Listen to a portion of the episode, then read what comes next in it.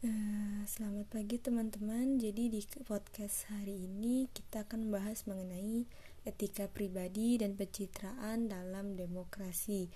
Jadi pertama itu saya akan menceritakan etika pribadi apa saja yang pernah saya alami dalam kehidupan bermasyarakat.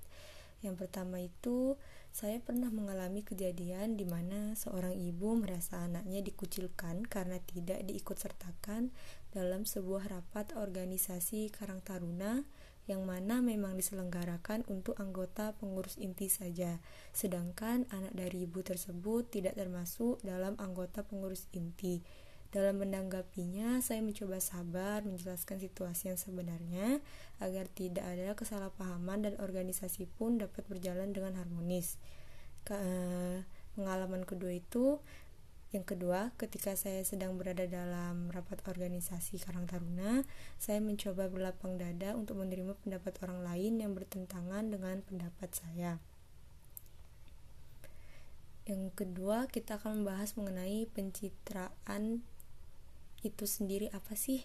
Jadi pencitraan dalam praktek kepemimpinan demokrasi di Indonesia adalah identitas atau image dari calon pemimpin yang nantinya dapat digunakan untuk menarik simpati pemilih dari suatu golongan. Apakah ada hubungan timbal balik antara etika dengan pencitraan dalam praktek demokrasi? Ya, menurut saya ada hubungan timbal balik ya antara etika dengan pencitraan dalam praktek demokrasi.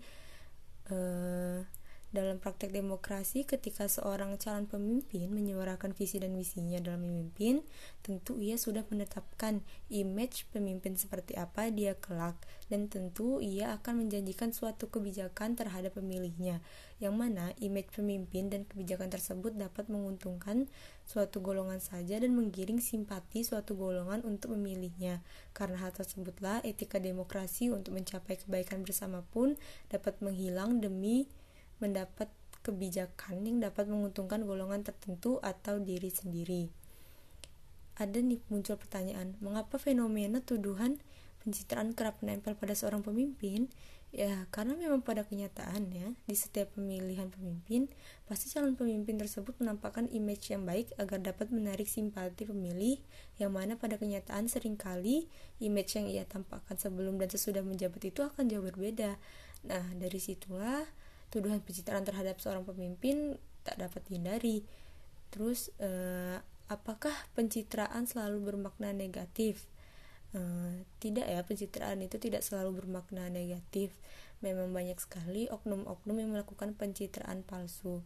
Bukan berarti hal tersebut membuat kita bisa menyimpulkan bahwa pencitraan bermakna negatif, karena pencitraan sendiri itu bermakna pembuktian kualitas diri sesuai dengan kemampuan yang akan lebih baik bila dilakukan secara konsisten dan dalam jangka waktu yang panjang.